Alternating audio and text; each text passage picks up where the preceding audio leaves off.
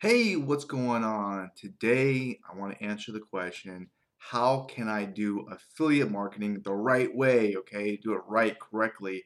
Now, I've been involved in affiliate marketing for 10 years, insanely long time.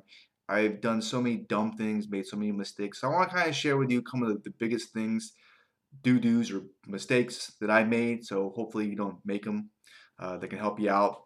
One of the biggest mistakes I feel I probably made in affiliate marketing um, is try to figure things out on, on my own. Okay, here's an example because I'm trying to I'm getting involved in the surfing lately.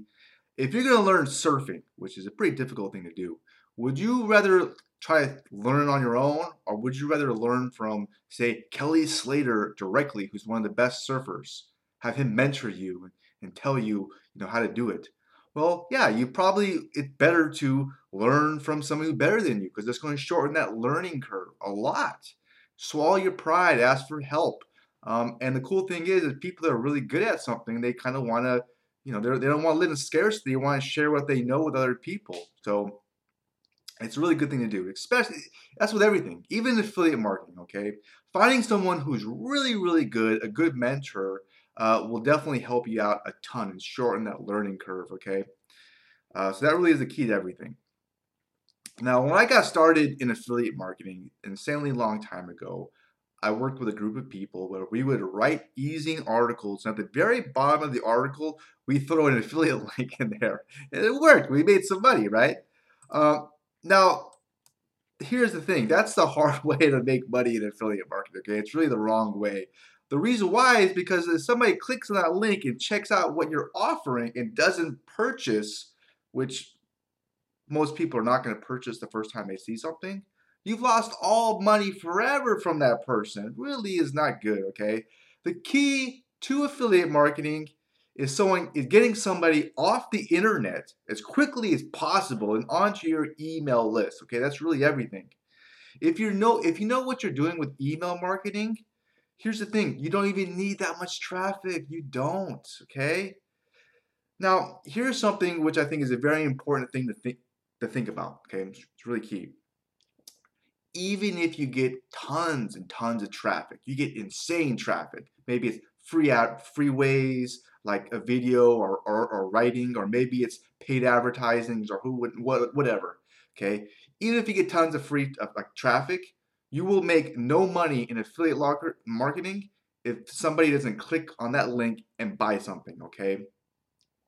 Now, affiliate marketing is not just posting a link and hoping and praying somebody will click on it and buy something, okay? That's it's not really how it works, okay?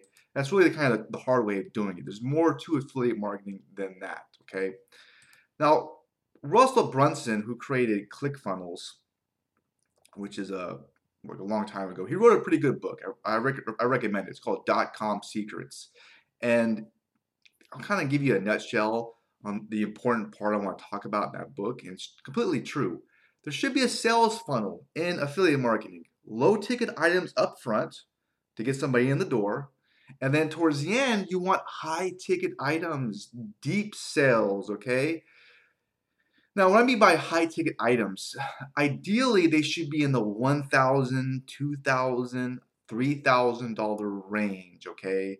This is after the low ticket items. So as you can imagine, you probably don't need to sell that many of these high ticket items to make very good money. Now, if you don't have these high ticket items, you just have a bunch of low ticket items, you have to sell a ton of them. It's a lot more work, okay?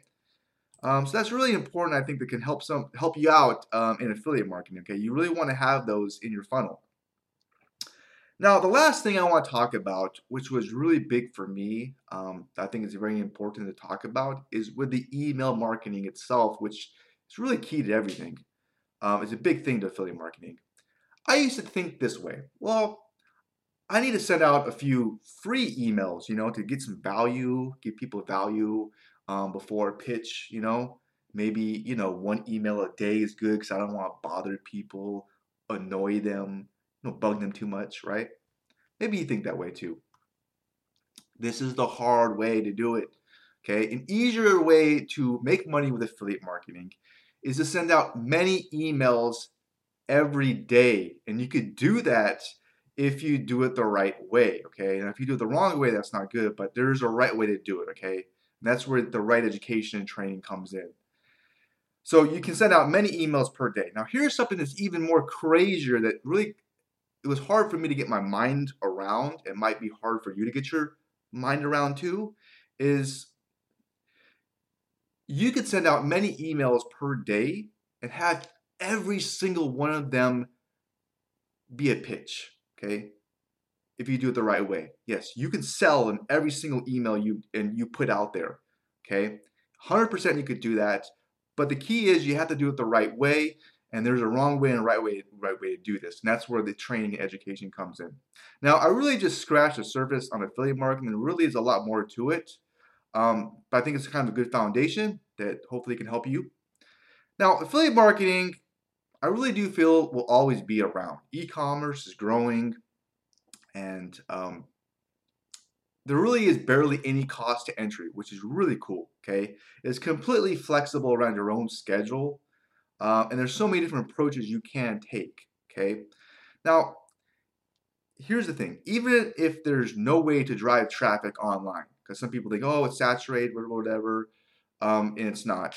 Um, using free or paid advertisings or whatever, there's still offline ways. here's the thing even if you have a small list, okay, and don't get that much traffic, you can still make pretty good money with affiliate marketing, okay? I haven't touched affiliate marketing in months. I've been doing other things and I'm still making money. So it's pretty cool, okay?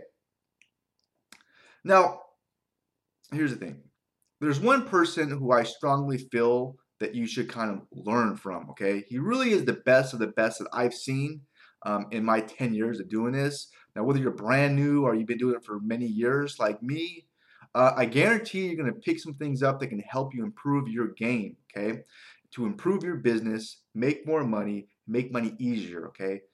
Um, so if you want to know who this person is, just click on that link below or go to trustthelink.com. Okay. I hope you at least took away one thing that can help you with your business um, in this video or podcast. If you did, please hit the thumbs up button. Okay. I would appreciate that. Um, also, leave a comment. Um, is there something I forgot to mention that you want to talk about? Uh, in doing affiliate marketing the right way, you think it's important, share it. Uh, do you disagree with something I said? Hey, let me know too. Leave a comment. Um, I wish you the very best, okay? Have a very fun and awesome rest of your day. Take care and bye for now.